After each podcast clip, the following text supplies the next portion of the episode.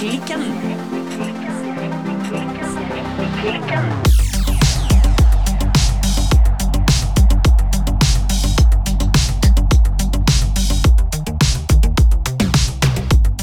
Hei, Birte. Hallo, Silje.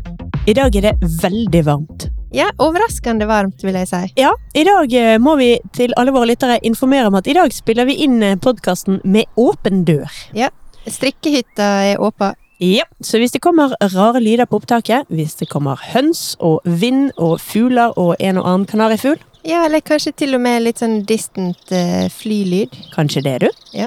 Da er det rett og slett fordi døren står på vidt gap. Ja. Men Birte, Ja. hva strikker du i varmen? Du, nå holder jeg på med siste krampe på min sweater nummer 14. Ja visst. Ja. Den uh, kommer til å bli ferdig med nå any day. Oh, du, Ja. er, du er klar for kaldere tider? Jeg er ferdigstiller. Jeg måtte gå inn og se på eh, bildefeeden min eh, når jeg begynte å strikke på denne her. Mhm. Jeg er jo nå en slow knitter. Ja. Eller- Slow fashion woman. Ja. Og første bilde jeg eh, tok av eh, denne genseren, det var 1. juni. Ja, men da er det jo ikke noe særlig slow knitter, syns jeg. Nei, så to måneder. Ja, men på Ja. en, eh, på et eh, Altså, det er jo en stor genser. Ja da, det er det, og jeg må si eh, tida sånn sett har jo gått ganske fort. Mm, Ja. Det. Og nå er jeg jo ute av disse to månedene, og jeg vil jo si ikke med spesielt intens strikking, så kommer jo det en, en godgenser ut av det, som jeg gleder meg til å bruke. Mm.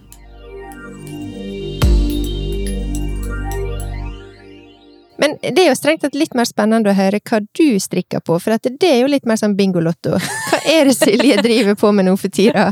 Jeg driver liksom med samme gamle, men uh, Silje, hva strikker du på? Det er ikke verken bingo eller lotto, det er faktisk begge deler. Bingolotto! Ja, sant? Ja, det er fint. Nei da, jeg eh, er faktisk i ferdigstillingsmodus, jeg også. Du er det, ja? Ja, og der du ferdigstiller sweater nummer 14, der Ja. ferdigstiller jeg sweater nummer 13. Å ja, men det er så bra. Begge to fra My Favorite Things Knitwear. Vi er altså så nyskapende og artige. Vi bare graver dypt og finner rare oppskrifter, vi. Ja, vi forsker hardt. Ja. Nei, den, eh, den blir veldig fin. Jeg, altså, jeg er litt, eh, litt grann redd akkurat nå at den kanskje blir litt liten. Men oh, ja. den skal vaskes, og det står mange steder i oppskriften at den, den strikkes med en teknikk som blir veldig mye større når den har blitt vasket. Ja, for den- du kan strekke den, rett og slett. Ja, Ja. Så eh, det går seg sikkert til. Så har jeg en liten ting som irriterer meg med den, og det er at helt oppe på baksiden av ryggen, der har jeg to masker ved siden av hverandre som skulle hatt vrang, som har blitt rett. Ja. Det er jo mulig å rekke opp bare akkurat der, og så fikse det med nål. Er det mulig? Eh, Er det virkelig mulig? I teorien er det Ja. mulig. Jeg har aldri gjort det, sånn at jeg risikerer jo å eh, Vel, Eh, eh, drite på draget, for å si det forsiktig. Ja. Så jeg, jeg må tenke litt på hva jeg gjør her. Om jeg, om jeg er tøff og kul og fikser det, eller om jeg er tøff og kul og driter i at det er en liten Jo, men, feil der. men er det syn Altså, er det noe som du ser med det blotte øyet? Egentlig ikke. Altså, jeg skal, jeg skal strikke den helt ferdig, vaske den, dampe den, og så ta vurderingen. Hvis jeg ser at jeg ser det, det plager meg, så kan det være at jeg finner ut eh, Prøver å finne en måte å fikse det på. Det kan jo være en typisk sånn ting som du tenker mye på nå når du holder på med den, og så ferdigstiller, bruker den, og så glemmer en det litt. Antageligvis, antageligvis vil jeg ikke klare å finne feil engang. Så Nei. Så det handler litt om stolthet som strikker, da. Jeg kan kjenne litt på den, for jeg kan irritere meg grønn over sånne småfeil som du egentlig ikke ser, men som jeg likevel veit er der. Så jeg skjønner litt eh, ambivalensen din. Ja, altså vanligvis, før vi ble podkastingsinfluensere, Ja. så hadde jeg gitt fullstendig beng i dette. Jeg har ikke hatt noe problem med det i hele tatt. Men jeg har fått en litt annen sånn strikkestolthet og litt sånn åh, nei, det må nå Jeg kan ikke gå rundt med feilstrikk midt på skuldrene, liksom. Du kjenner på presset? Ja, litt, faktisk. Ja. Nei, men jeg hadde det sånn på min eh, Ingen dikkedarer som jeg strikka i fjor sommer, for der eh, var det noe litt rart på ene sånn vendepinnen oppi halsen. Ja. Og dette bekymra meg ganske mye, men eh, nå er jeg liksom Nei, lev, leve med det. Det var andre ting som jeg ikke klarte å leve med, som jeg måtte rekke opp, som sikkert hadde gått helt fint, altså. Men eh, akkurat disse to små maskene som ser litt sånn vridd ut eh, på en litt sånn rar måte oppi halsen der. Det er liksom ok, det bare ble sånn. Ja, altså Egentlig så syns jeg det er helt teit å bry seg om det. Altså, Mm. Her sitter vi jo og lager klærne sjøl for Ja, at de skal være håndlaget. Så da burde man jo hylle de der små Altså, det perfekte uperfekte. Ja. Men jeg vil i hvert fall si Gjør den ferdig, Ja. bruk den, og så sov på det, og så kjenn litt. Nja, var var det så nøye, da? Ja, jeg skal det. Ja. Selv om det hadde jo også vært litt kult hvis jeg ble sånn at jeg var i stand til å fikse sånne feil ved nål og bare liksom strikke med nål akkurat de to maskene som er feil. Ja, hvis en hadde kommet til det. Ja. Jeg er jo sånn rekke opp alt, jeg, hvis jeg skal fikse den minste ting. Ja, nei, det er ikke aktuelt. Nei. Not even an option. Så det, det skjer ikke.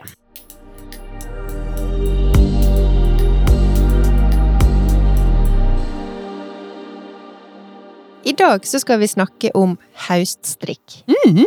Vi skal rett og slett eh, snakke om hva vi kan forvente oss litt sånn rent trendmessig denne høsten. Ja. Jeg tror vi kan kalle det en trendrapport. Ja, og dette temaet er jo jeg litt redd. For altså, jeg kan jo pokker meg ingenting om fashion. Dette er ditt felt, Birte.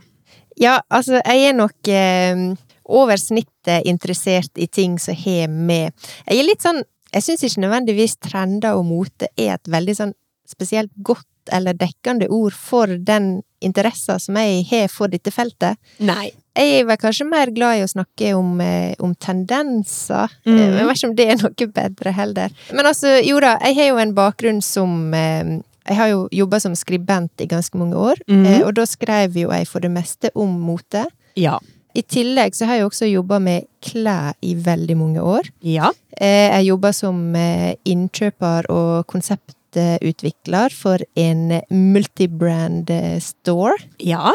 Sånn at dette er jo strengt tatt ting som jeg har brukt ja, ganske mange profesjonelle år på å, å ha på en måte bevisste holdninger til, og meninger om. Ja, og, Ja. altså jeg må vel kunne si at du også var medeier av den kuleste klesbutikken i Bergen, og sto eh, for innkjøp til den. Altså, du kan jo ekstremt mye om mote. Jeg skjønner at du sammenligner deg med håper jeg, hakket over deg igjen, men siden hakket over deg igjen er virkelig verdenseliten på eh, kles- og trender, så må jo jeg kunne si at jeg, jeg syns vi skal utnevne deg til eh, ja, i hvert fall Ulsteinsviks store motedronning. Og nå var du veldig snill, eh, Silje. Men eh, jo da, jeg, eh, jeg takker, for, eh, takker for det. Og selv om jeg ikke jobber, jobber med det lenger, så er jo dette en interesse og sånn sett en både kompetanse og lidenskap som ikke er så lett å skru av. Mhm. Jeg bærer jo den med meg fortsatt. eh, Selvfølgelig en del inn i strikkinga og inn i podkasten som vi driver, men Ja, ja, ja. også inn i mitt eh, private liv, så jeg klarer ikke helt å skru av den, eh, den bryteren. Nei, altså jeg syns jo det er gøy når du eh, av og til liksom tar litt tak i meg og er litt sånn Nei, Silje, nå går vi og kjøper deg noen nye klær. og når du faktisk, når jeg liksom kan sitte i telefonen, så sier jeg liksom Ja, nei, jeg fant ikke det, på, på, på med den eh, på, på, på, med en eller annen svart bukse. Å ja, har du på deg Og så vet du hva jeg har på meg, for du vet hva jeg eier. Ja, jeg er en liten hjerneskade der. Ja, nei, altså det Du kan klær.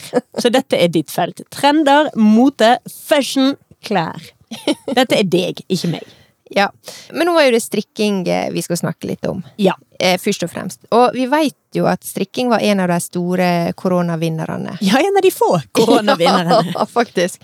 Altså, det var veldig mange som begynte å strikke. Mm. Veldig mange som begynte å strikke på nytt, altså de gjenopptok eh, strikkinga. Ja. Og de som allerede strikka, fikk eh, gjerne mer tid til å strikke. Ja.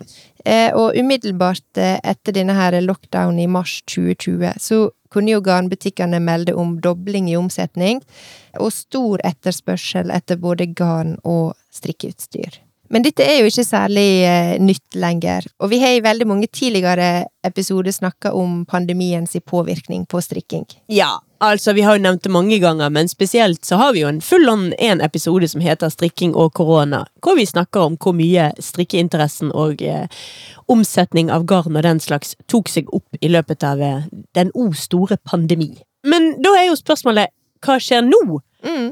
Nå når eh, pandemien forhåpentligvis går mot slutten og eh, vi ser eh, lyset i enden av tunnelen, Ja. kommer vi da til å fortsette å strikke nå når vi ser en ende på det hele? Eller var dette her en slags pandemisk døgnflue? Ja, altså, jeg tror jo at strikkinga Jeg håper at strikkinga er kommet for å bli. Eh, Mm. altså, vi snakker om en aktivitet eller hobby som har overlevd både første og andre verdenskrig, Mm. og som ser ut til å stå sterkere enn noensinne. Også statusmessig, vil jeg si. Jeg føler strikkinga har liksom blitt elevated. Ja, det er jeg enig i.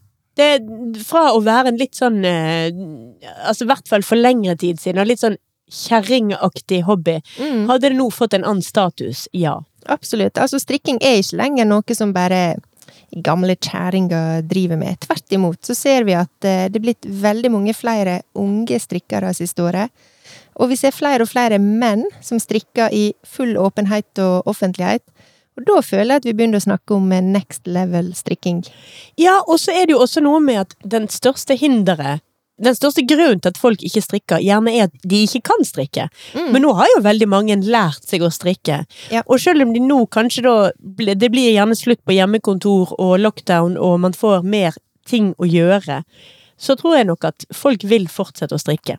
Ja, så Det viser jo seg at hvis du først har begynt å strikke, så er det gjerne noe du, du bærer med deg videre. Ja, er du først bitter strikkebasill, så er du egentlig Da er du ødelagt, da. Ja, da er det gjort.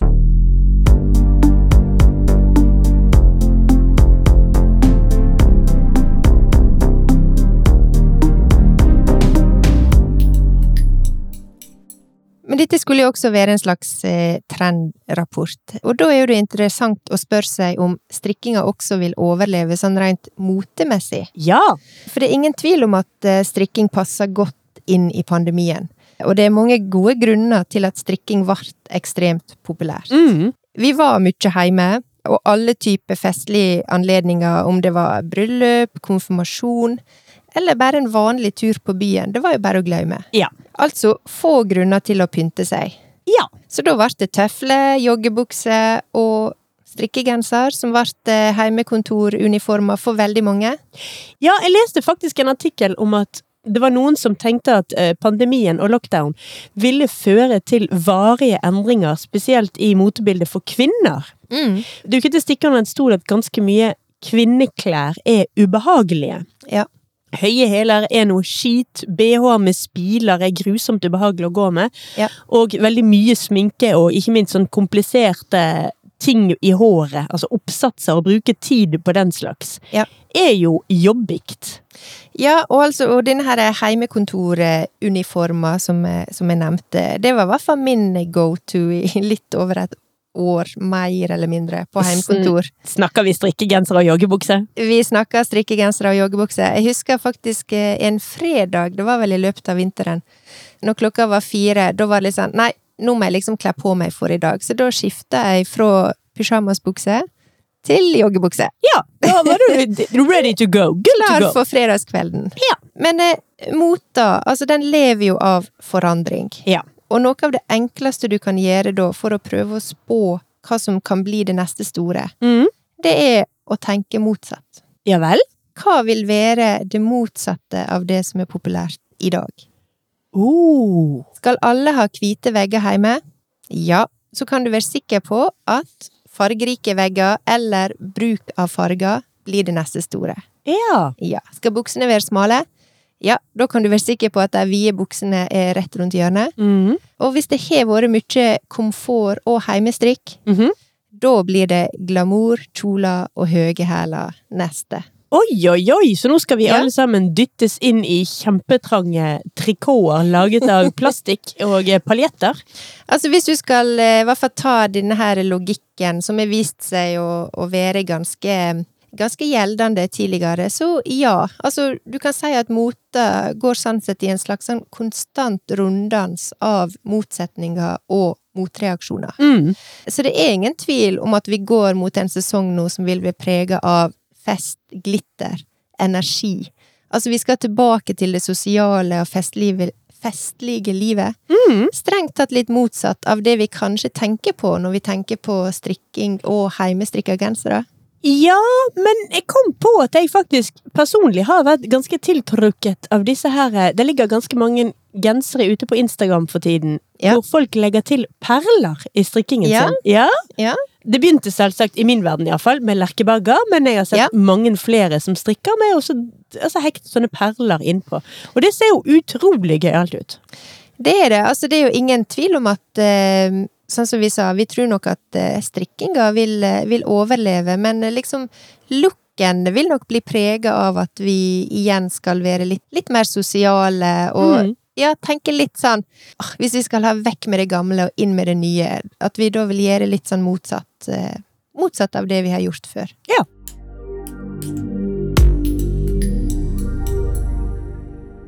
Men altså, betyr dette at alle sammen kommer til å gå for det samme? Altså at vi alle sammen skal gå rundt og kle oss likt og holde på med de samme prosjektene? Nei, altså, og det er jo dette som er så bra med mota sånn som den er nå i 2021. Mhm. En er ikke nødt til å følge strømmen for å være på. Nei, men ikke det er det som det har stått i motemagasiner i hvert fall hele mitt liv, nemlig trenden nå er at du skal gå din egen vei? Jo, det kan du si, men altså, hvis vi setter det litt i perspektiv, da. Ja. Tidligere så var motebildet veldig strengt, Ja. eh, og det var lite rom for individualitet. Det var svart-hvitt, inn eller ut, ingenting imellom. Ja. Men tidlig på 2000-tallet så skjedde det noe. Okay. I takt med at internett begynte å bre seg, Mm. så ble motebildet mer fragmentert. Det ble flere retninger som ble populære samtidig, Mm. og i samme sesong. Så istedenfor å snakke om den ene retninga som alle skulle følge, litt sånn eh, black is the new black, eller eh, brown is the new black, så kunne du kanskje velge mellom ti forskjellige stiler. Det, ville, altså det var alltid mange forskjellige retninger som gjaldt, eh, og sånn sett så kunne du finne den stilen eller looken som passer deg best. Ja. Og så på motevisningene så begynte det å skje noe interessant. Ok. For at eh, samtidig da med internett, så fikk vi noe som heter motebloggere. Ja. Eh, og de begynte å innta scenen, og på et eller annet tidspunkt så ble de like mye fotografert utafor motevisningene som det som skjedde inne på catwalken. Ja. Altså ganske raskt så ble streetstyle et fenomen som fikk stor innflytelse. Og morsomt nok, til å begynne med så fikk ikke disse bloggerne komme inn på motevisningene. Nei. Det var forbeholdt eh, kjendiser, innkjøpere og tradisjonelle medier, altså motejournalister og sånt. Men godt hjulpet av sine egne plattformer eller bloggsider på nettet, så ble det som skjedde før og etter visningene gjerne mer interessant enn det som skjedde inne på selve visninga. Ja, i dag er dette liksom såpass selvfølgelig at det er liksom vanskelig å tenke at det selvfølgelig har kommet en gang. Det har Mm. begynt på en eller annen gang. Men selvfølgelig, street fashion har jo oppstått, ja. Det har det. Og fått den, på et eller annet tidspunkt fått den statusen den har i dag. Det har det. Og, og det som skjedde da, var at maktforholdet ble snudd på hodet. Mm. Og her kommer litt av poenget mitt. Altså, moteverdenen ble demokratisert, Mm. og vi så at de som bestemte liksom the next big thing, det kunne like gjerne være en 18 år gammel moteblogger som satt hjemme på jenterommet sitt og tok bilder av seg sjøl i forskjellige antrekk. Like mye som det kanskje var kjente, sterke merkevarer som Chanel eller Gucci som sa at nå skal det være sånn eller sånn. Mm.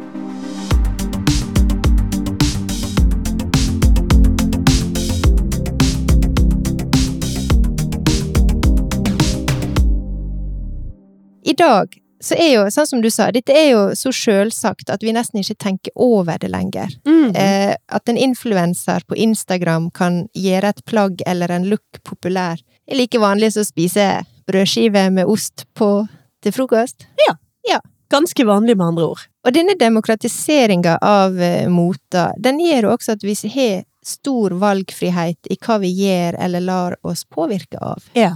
Eller det betyr at det alltid finnes flere tendenser eller trender som vi kan bli inspirert eller påvirka av. Men vi må ikke la oss lure. For at eh, hvis vi tror at det som skjer på motefronten er tilfeldig, Mm. eller at vi tror at vi tar frie kjøpsvalg helt uavhengig av motebildet, ja, da må vi tro om igjen. Ja, nå ser jeg for meg litt uh, The Devil Wears Prada, der hun uh, kommer inn og uh, Hva er det hun heter? Hun eh, Meryl Streep Ja. skjeller hun ut fordi hun tror at liksom Du tror at du sjøl har valgt den blå genseren, men sannheten er at akkurat den blå tonen dukket opp på catwalken for tre år siden, og.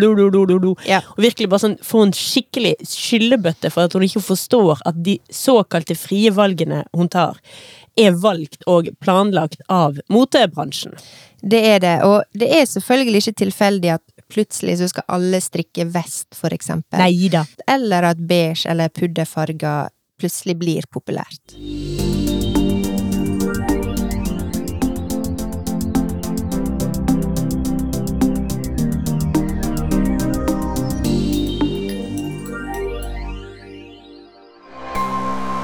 Hei! Vi er Silje og Birte fra Strikkeklikken. Vi lanserer nye episoder hver eneste onsdag. Du kan høre oss via Spotify, Apple Podcasts eller hvor du nå enn foretrekker å finne podkastene dine. Følg oss gjerne på Instagram og Facebook at strikkeklikken. Eller du kan gå inn på nettsiden vår www.strikkeklikken.no. Vi høres!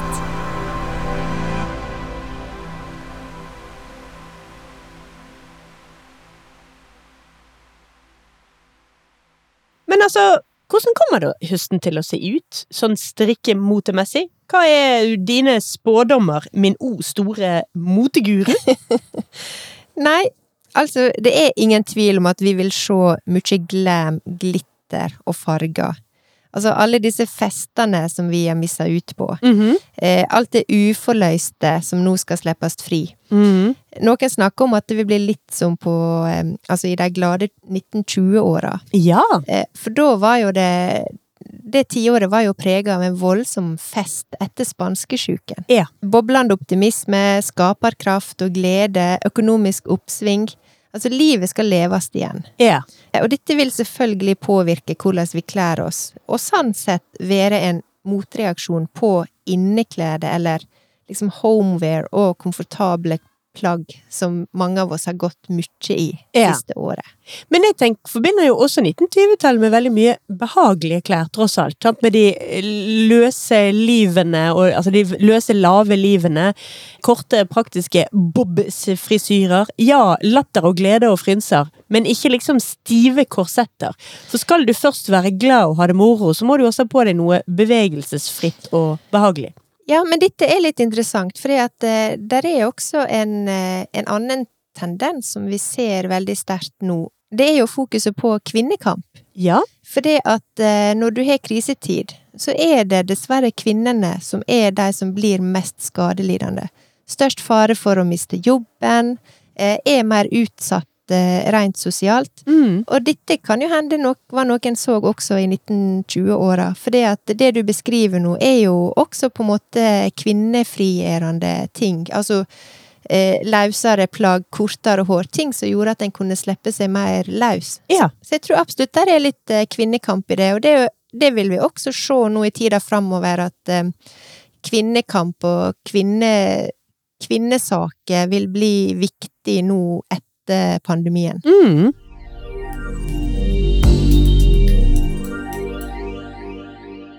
Men for mange så er ikke det bare å gå fra liksom komfort til stramme snitt og høye hæler. Nei. Så komforttrenden vil jo absolutt overleve høsten. Eh, Men vi vil kanskje gå for de plagga som kan fungere både heime og ute. Mm. Så litt mindre heimeslask. Heimeslask. Ja, litt mindre heimeslask, men fortsatt komfortabelt og funksjonelt. Sant? Vi kan møte folk, være sosiale, men også føle oss liksom litt fine og representative. Mm. Jeg tror jeg skjønner eh, hvor vi skal hen, sånn strikkemessig. Ja, rent strikkemessig så er det en stor tendens til høsten med det som vi kan kalle afterski-looken. Uh. Eh, og det er rett og slett strikkegensere i mønster av typen eh, Færøyene og glade farger. Ja. Eh, denne trenden er også veldig reell for de av oss som starta eller lærte å strikke under pandemien. Ja. En har liksom gjort fra seg eh, en del basic teknikker. Vi kan eh, glattstrikke nå. Ja, strikka litt glattstrikk, litt beige. Klar for nye strikkeutfordringer. Sånn at eh, jeg tror også at vi vil se mye mønsterstrikk og mye mer farger. Altså at vi går videre og slipper oss litt mer løs på heimestrikkinga framover. Ja, det vil jo være en ganske stor endring hvis vi nå plutselig skal begynne med sånn Jeg ser for meg sånn afterski-greier med disse her rosene oppå skuldrene og sånt. Altså sånn Selbu-roser, eller hva det heter. Ja, jeg vet ikke om eh, Jeg så ikke så mye sånn Selbu-rose på catwalken denne Vi skal ikke så tradisjonelt. Men uh, mye, altså, eh, mye færøyende mønster Ja. uh, på, på genserne, og mye farger. Og faktisk en del også eh, kabelstrikk, altså flettestrikk. Ja. Men det jo, henger jo også litt sammen med at eh, kanskje vi er gått fra litt den her basic eh, glattstrikken og er klar for nye utfordringer. Vi er blitt ganske gode strikkere, rett og slett. Hele gjengen. På ett og et halvt år. Går fort, det, gitt.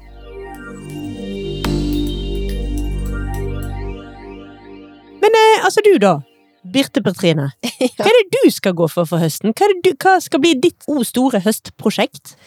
Altså, personlig, jeg nevnte jo det i forrige episode, men personlig så er jeg veldig inspirert av The Crown for tida. Ja, Da snakker vi altså om eh, denne eh, TV-serien på Netflix, The Crown. Ja. Eh, Jeg så den nå for andre gang i sommer, Mhm. og for meg så blir nok høsten prega av barberjakke, Ja. timer med fargerike, parentes, heimestrikka sjal og skaut. Ja, for det er i hvert fall én spådom vi kan si med nærmest 100% sikkerhet. Det kommer til å bli ganske dårlig vær til høsten i Bergen.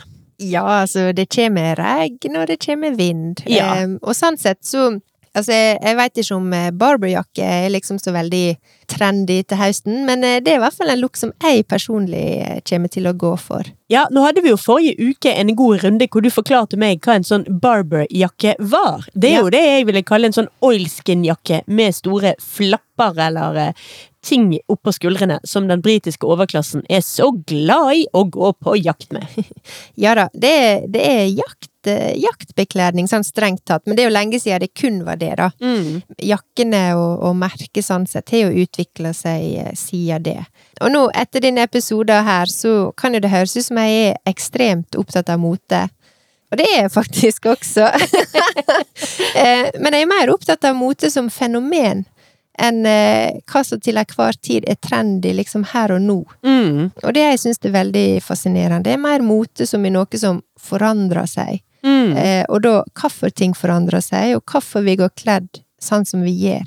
Dette syns jeg faktisk er utrolig spennende. Eh, og så må jeg jo legge til at eh, det meste av det jeg har i min garderobe, og som jeg bruker til daglig, er plagg som gjerne rocker blitt fem-ti år gamle. Nei, altså du er jo ikke opptatt av fast fashion. For Nei. det er det jo de lange trendene, eller lange bølgene. De Ja. lange de, Altså de klærne som kan brukes lenge. Du liker. Det er det, eh, men jeg liker å la meg inspirere av eh, dagens motebilde. Altså gjenoppdage noe i skapet, eller kanskje kjøpe noe som kan oppdatere looken min. Mm. Samtidig så, ja, jeg er nok en evig minimalist, eh, og jeg vil alltid vende tilbake til klassiske plagg som jeans, ei hvit skjorte, en avslappa kasjmir- eller strikkegenser, Mm. ei ullkåpe i en enkel fasong. Altså, dette er plagg som jeg vil gå med uansett hva, hva motebildet sier at vi skal gå med. Mm.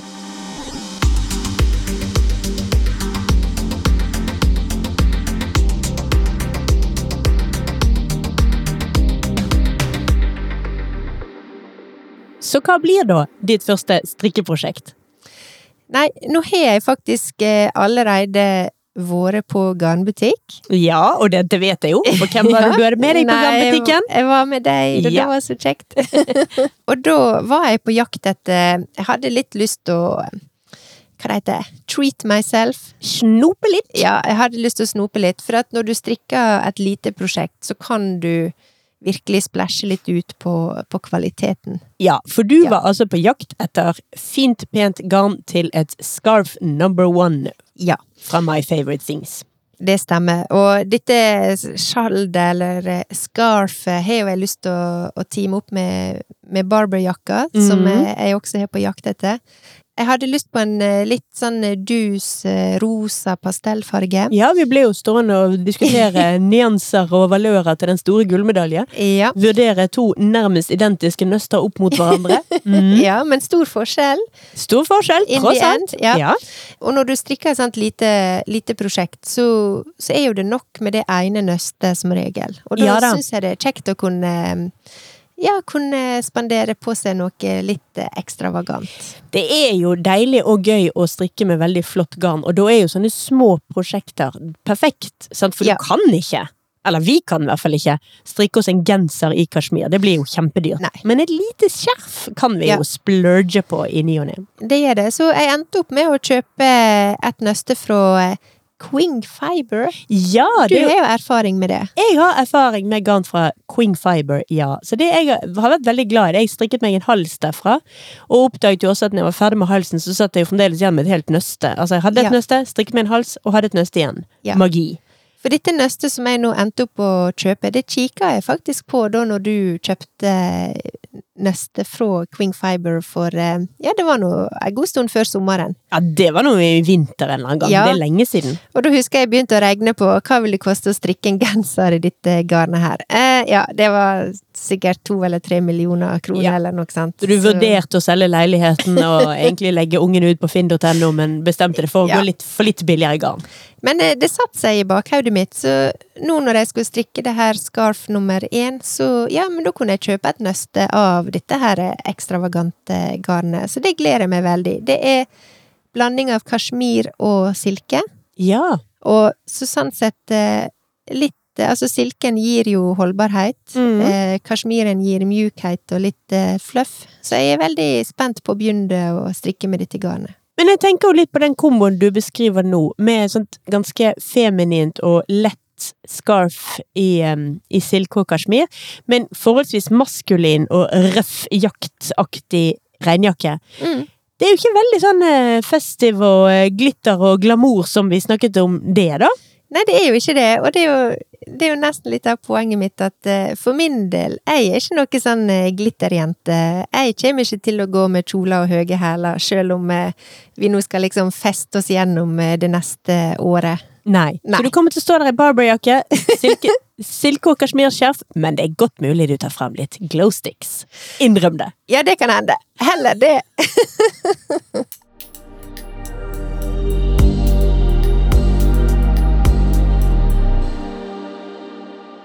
Men du da, Silje. Nå er jeg eh, tyta og snakker mye. Hva skal du strikke nå, når vi begynner å gå inn i høsten? Ja, altså, jeg kan ikke si at dette har noe som helst med trendbildet å gjøre. Men jeg har i alle fall tenkt å strikke meg en hettegenser. Ja, for det har du snakka om. Det snakket jeg om i den eh, episoden før sommerferien. For Ja. da ba jo lytterne våre om tips til et eh, bra hettegensermønster. Ja. Og vi fikk en god del eh, tips inn, altså. Det gjorde vi. Folk er flinke til å bruke Instagrammen vår og DM og Facebook og dess like. Ja. Og du fikk et tips eh, med meg på tekstmelding. Det gjorde du! Og hva var det vi fant ut? Nei, altså det morsomme der var jo at du sendte meg et tips som jeg allerede hadde tatt et bilde av tidligere. Ja. Så vi måtte begge to gå inn og se på når var, vi- var det vi hadde tatt screenshot. Og det viser seg at jeg hadde vel slått deg med nesten to uker. ja, nei, du var forut med der, Ja, jeg altså. var det. Så det jeg altså har kommet fram til at jeg skal strikke meg, det er en hettegenser som heter The Cozy Hoodie fra cozyknits.de. Ja. Her er det litt viktig at det er den .de, for det er noe sånn cozyknit.com som er noe helt annet. Okay. For jeg sleit faktisk med å finne igjen denne her oppskriften, og bare ja, men jeg var jo inne på nettsiden, hva er det som har skjedd? Ja. Og så etter litt søking og litt, eh, ja, litt internettfrustrasjon, Ja. så fant jeg tilbake igjen der. Dette er da en hettegenser med ganske mange spennende og spesielle konstruksjonsdetaljer som jeg gleder meg veldig til å ta fatt på. Mm. Jeg vet fremdeles ikke helt hvilken farge eller garn jeg skal strikke den i enda, men etter at vi snakket i dag om litt sånn mer gøyale og festive, Ja. festivers uh, greier, Ja. så lurer jeg på om jeg skal la meg inspirere av det og eh, gå for en litt mer eh, ja, spenstig palett. Kanskje. Jeg får se. ja, men det blir spennende å se, for at eh, du kan jo farger bedre enn noen. Så Ja. når du skal liksom eh, indulge i farger, ja, da, da begynner jeg å bli litt uh, spent også. Jeg kan farger i fargeteori og maleri, men eh, på klær er jeg jo eh, mer konservativ enn jeg egentlig har lyst til å være. Så eh, vi får se. Men det som var litt morsomt, det var jo at eh, ikke bare håper jeg, fall er jo du for denne her cozy eh, hoodien, Mm. men eh, vi fikk også tips om den fra veldig mange av lytterne våre. Ja, så den kan vi jo faktisk allerede der si at dette er en litt sånn trend alert. The Cozy Hoodie fra cozynit.de. Nei, den er virkelig helt nydelig. Den har noen sånn, litt sånn vridde detaljer på armene, strikkes i eh, halvpatent, og hetten er forholdsvis lik i konstruksjonen som eh, Balaklava number one Mm. av, eh, fra My My Favorite Things Knitwear. Det har denne stripen oppå. Ja, jeg vet ikke hvordan jeg skal beskrive det. Så den, den har veldig mange fine detaljer. Så Ja. den, eh, den blir spennende. Ja, det blir det.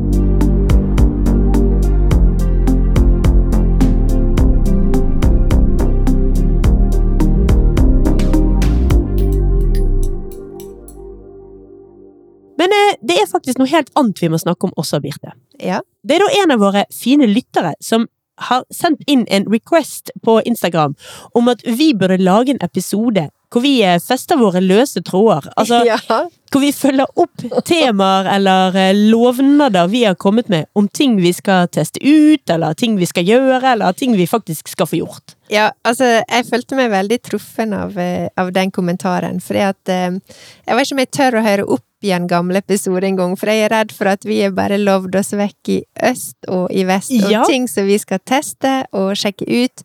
Og noe av det gjør jo vi det faktisk, men jeg må jo innrømme at mye av det blir litt sånn på kudda, vudda, sjudda. Ja, det gjør det. Og en av oss, nemlig meg, er jo en større synder enn den andre. Nemlig deg. Ja. Men jeg syns jo det er veldig gøy at våre trofaste lyttere tar opp igjen og hører på gamle episoder og oppdager hvor mye rart vi har sagt vi skal gjøre, og som vi så ikke hadde gjort. Så denne lytteren den mente da at vi burde lage en full on episode hvor vi festet våre løse tråder og eh, tok opp igjen alle disse her eh, temaene våre. Jeg synes det var en super idé. Helt enig, og jeg Ja. gledet meg til å lage denne episoden. Ja. Men Ja. så innså jeg at hvis vi lager en sånn episode, så kommer vi fremdeles til å fortsette å ha dette problemet. For vi kommer aldri til å slutte å love å gjøre ting og aldri klare å ta tak i det. Nei, gammel vane, vond å vende. Så Ja. da tenkte jeg at istedenfor å lage en episode hvor vi fester våre løse tråder, så gjør vi det om til en tilbakevendende spalte. Ja, det var en da- god idé. Ja, on and on kan liksom sånn herre Ja, og du, det der vi lovde for lenge siden. Ja, hva var det det nå igjen? Ja, så i dag har jeg to ting til spalten Strikkeklikken fester sine Ja. løse tråder. Silje confesses. Ja. Ja. Det ene er jo da denne her samme lytteren som gjorde meg obs på at vi får veldig, veldig, veldig, veldig, veldig, veldig lenge siden lovet å teste ut strikkejournaler. Yes, det stemmer, og det lovde jeg jo også at jeg skulle sjekke ut. Og jeg må faktisk innrømme at nå når jeg holdt på nå i to måneder med denne her svette nummer 14, Mhm. så glemmer jeg faktisk litt underveis. Hva var det slags pinner jeg brukte der igjen? For jeg følger ikke alltid oppskrifta. Ja. Eh, så jeg har tenkt på det, shit, jeg må faktisk begynne med sånn strikkejournal, for eh, det er jo bare dumt å ikke. Men jeg har ikke gjort det ennå. Nei, men det har jeg. Hæ? Ja. Nei, Jo. Det har skjedd, folkens. OMG! I know. Ok. Strikkejournal og strikkejournal. Ja, Det er i hvert fall en bok. Den har blanke sider, og den er gitt ut av Petit Nytt. og den, er, den skal du dedikere til strikkenotater. Ja, det er i hvert fall planen. Ja. Eh, Så der skal jeg rett og slett Det er mulig at det kommer dette inn litt sånn ideer til strikkepodkast også, men det tenker jeg at det får nå være innenfor. Får det ikke? Jo, det må være innenfor. Ja. Ja. Det, det er da vitterlig beslektet. Ja. Eh, Så den har jeg akkurat så vidt kjøpt, akkurat så vidt begynt å notere i. Jeg har klart å notere hva slags pinner jeg strikker eh, for eksempel sweater nummer 13 på. Det har jeg Ja. husket å skrive opp. Eh, Så jeg har begynt så vidt. Ja. Jeg kan ikke si noe foreløpig om eh, hvordan eh, dette her utvikler seg, og hva jeg syns om den. Jeg kjøpte virkelig bare den tomme boken med det er ikke engang linjer, det er noen slags prikker. Jeg tror det er meningen at du skal kunne krysse ut et strikkemønster, altså et diagram, i den. Ja. Så den har ikke sånne rubrikker, sånne der, eh, overskrifter og fyll inn pinnestørrelsen her og garnmengden her og gram Restegarnet der. Nei, Nei. det er det ikke. Eh, og det tror jeg, eller who am I kidding, det vet jeg at passer mitt lynne bedre å ha litt tomme sider og fylle det litt rotete inn. Ja. Det er nok det som passer best for meg. Men jeg skal i hvert fall holde våre lyttere oppdatert på om jeg er flink til å bruke denne boken, eller ikke. Ja, men jeg syns du har vært flink allerede, Silje, for du har kjøpt den, og begynt å skrive i den. Yep. Det er stor framgang. Eh, og nå kjenner jeg litt på at eh, dette er jo egentlig sånne ting som jeg burde gjøre, og burde være først ute med å gjøre av oss to. Helt klart. Jeg den, skal jo liksom være den organiserte av oss. Du skal liksom være det. Ja. Nei, ok, skjerpings eh, til meg.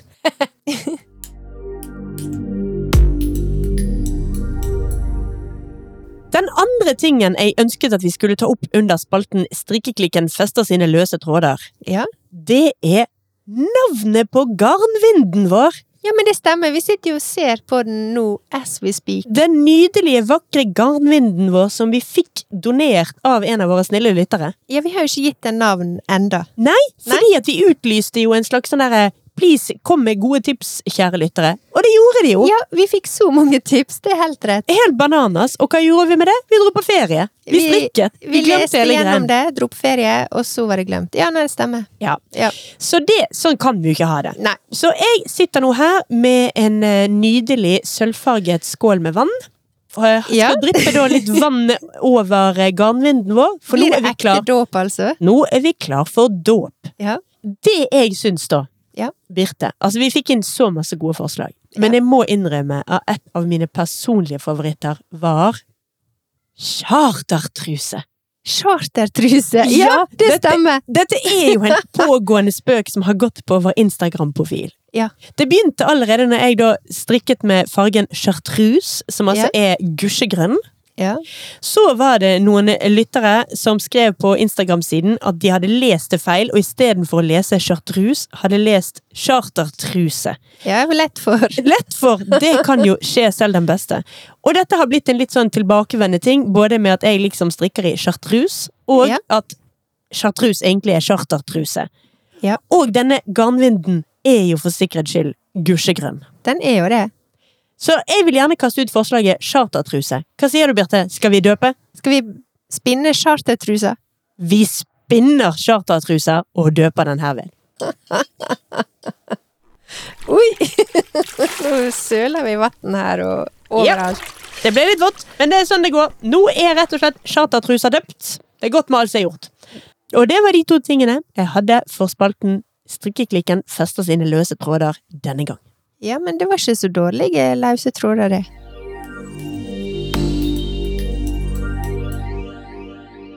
Men motedronninga av Ulsteinvik, Ja. har du noen gode tips til våre lyttere i dag? ja, altså, jeg vet ikke om det er tips eller mer en slags eh, anekdote.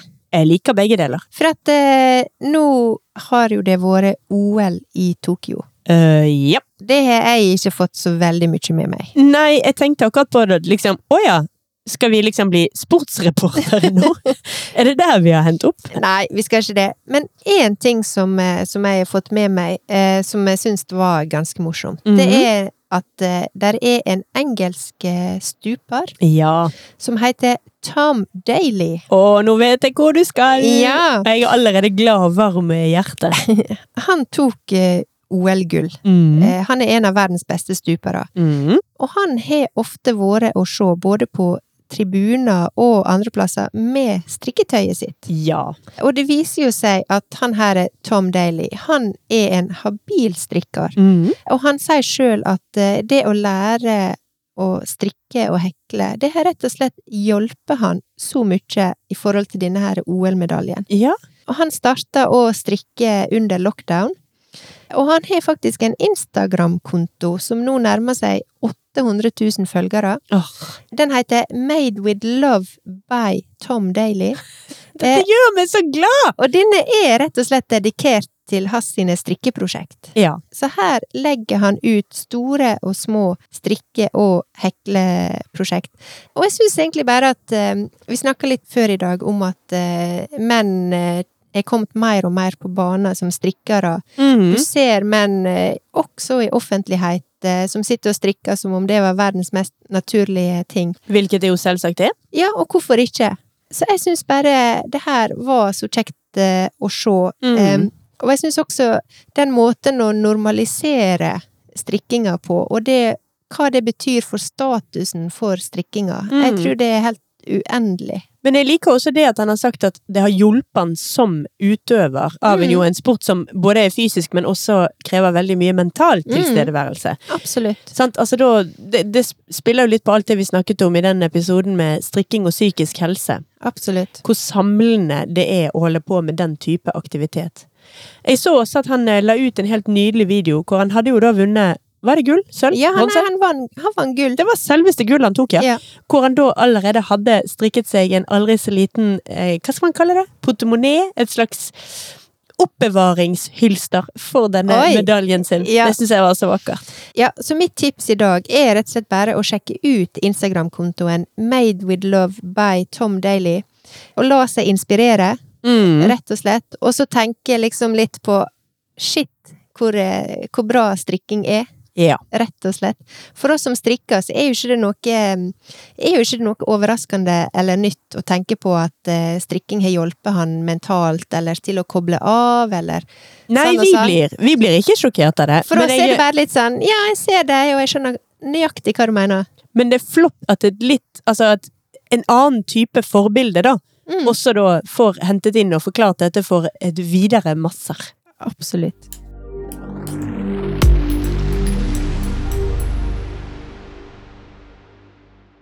Men eh, Birte, Ja. nå orker jeg ikke mer av denne varmen. Nå syns jeg vi skal gå og spise en is.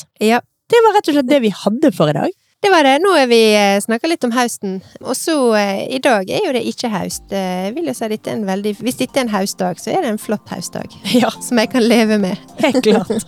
Men da får du ha en fortryllende uke så lenge, Birte. Du også, Silje. Og til alle våre lyttere, ha en veldig fin uke. Vi høres igjen neste onsdag. Det gjør vi. Ha det på badet! Ha det!